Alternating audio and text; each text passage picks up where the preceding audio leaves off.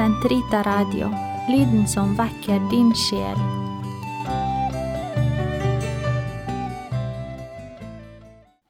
Den katolske kirkes katekisme, uke 45, onsdag 888-896. Lærembetet.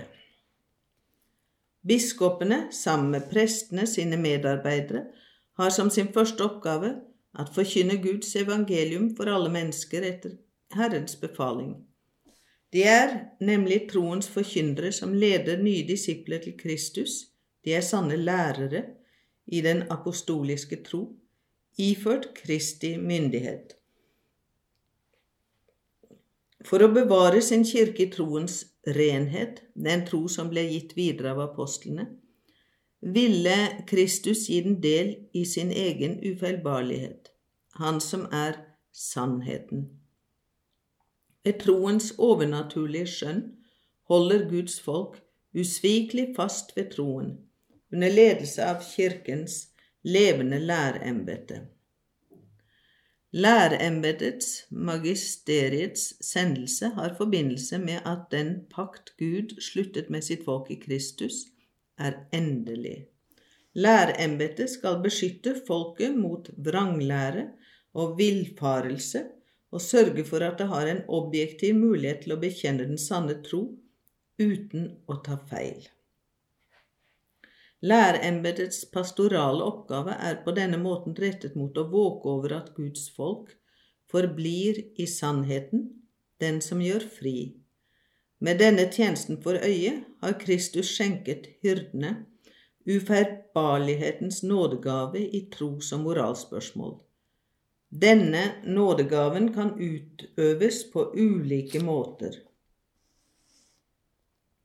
Det er denne ufeilbarlighet den romerske biskop, bispekollegiets hode, innehar i kraft av sitt embete når han, som den øverste hyrde og lærer for alle kristne, de brødre han styrker i troen, i en sluttgyldig erklæring forkynner en læresetning om tro eller moral. Den ufeilbarlighet Kirken har fått løfte om, er også til stede hos biskopene in corpore når de utøver sitt øverste læreembete sammen med Peters etterfølger, særlig på et økumenisk konsil. Når Kirken gjennom sitt høyeste læreembete fremsetter noe som guddommelig åpenbart og gjenstand for tro, og som Kristi lære, skal det gis troens tilslutning i lydighet til slike sluttgyldige avgjørelser. Denne ufeilbarlighet sammenfaller i utstrekning med den guddommelige åpenbarings trosskatt. Enn videre bistår guddommelig hjelp apostlenes etterfølgere når de underviser i samfunn med Peters etterfølger, og på en særlig måte Romas biskop, hele kirkens hyrde, og uten å være kommet frem til en ufeilbarlig fastleggelse og uten å uttale seg på en sluttgyldig måte, i utøvelsen av det alminnelige eller ordinære læreembetet, fremsetter en lære som fører til bedre forståelse av åpenbaringen, hva tro og moral angår. Slik undervisning skal de troende ta imot med et kristent sinnelag, noe som atskiller seg fra en trostilslutning, selv om det står i forlengelsen av den. Helliggjøringsembetet Biskopen bærer også ansvaret for å være forvalter av den ypperste prestelige nåde, især i Eukaristien som han selv frembærer, eller lar prestene sine medarbeidere bære frem. Eukaristien er nemlig midtpunktet i lokalkirkens liv. Biskopen og prestene helliger kirken ved sin bønn og sitt arbeide, ved ordets og sakramentenes tjeneste. De helliger den ved sitt forbilde, ikke ved å opptre som herrer overfor dem dere har fått til å ta vare på, men ved å tre frem som et forbilde for jorden. 1. Peters brev 5.3. Slik skal de, sammen med den jord som er betrodd i deres varetekt, nå frem til det evige liv. Styringsembetet Biskopene styrer de lokale kirker som er betrodd i deres omsorg, i egenskap av Kristi stedfortredere og utsendinger.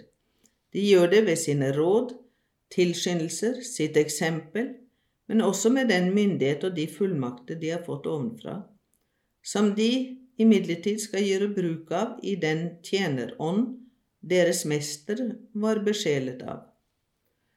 Den myndighet som de personlig utøver i Kristi navn, er deres egen som ordentlige og umiddelbare foresatte, selv om utøvelsen av den i siste instans er underlagt Kirkens høyeste myndighet. Men biskopene skal ikke betraktes som pavens stedfortredere. Hans ordentlige og umiddelbare myndighet over hele kirken opphever ikke biskopenes myndighet, men stadfester og verner om den. Den skal utøves i samfunn med hele kirken under pavens lederskap. Den gode hyrde skal være forbilde og form for biskopens pastorale virksomhet.